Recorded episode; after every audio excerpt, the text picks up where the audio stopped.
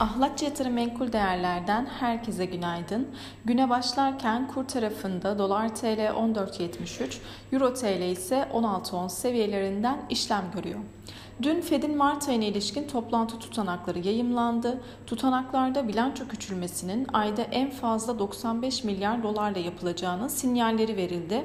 2017-2019 yılları arası dönemde aylık en fazla bilanço küçültmesi 50 milyar dolar seviyelerinde yapılmıştı.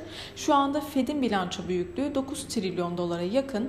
Dolayısıyla yılda yaklaşık 1 trilyon doların üzerinde bilanço küçülmesi anlamına gelecek atılacak bu son adım. Şahin FED duruşu başta teknoloji hisse senetleri olmak üzere küresel çapta piyasalara sert yansıdı. Nasdaq 100 endeksi dün %2,2 düşüş gösterirken ABD vadeleri bu sabah gerilemeye devam ediyor. Asya borsalarının tamamı da yine negatif diyebiliriz. Petrol Uluslararası Enerji Ajansı'nın ABD müttefiklerinin rezervlerinden 60 milyon varil olmak üzere toplamda 120 milyon varili serbest bırakacağını açıkladı. Açıklamanın ardından petrol fiyatlarında sert bir geri çekilme oldu. Bu sabah 102 dolar seviyesinde işlem gören Brent petrolde 101,70 dolar seviyesinin altında kapanış gerçekleşirse satışlar bir miktar daha devam edebilir. 100 dolar seviyesinin altı bu noktada görülebilir. Ons altın yatay fiyatlamaya devam ederken 1924 dolar seviyelerinden işlem görüyor.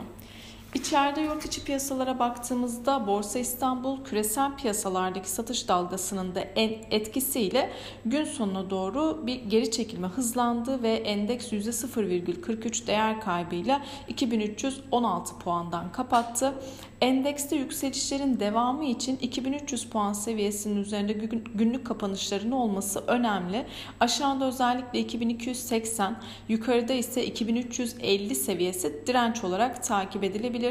Yurt içinde bugün Mart ayına ilişkin hazine nakit dengesi takip edilecek. Yurt dışında Euro bölgesi perakende satışlar, Avrupa Merkez Bankası toplantı tutanakları ve Amerika'da haftalık işsizlik maaşı başvuruları takip edilecek. Herkese bol kazançlı güzel bir gün dilerim.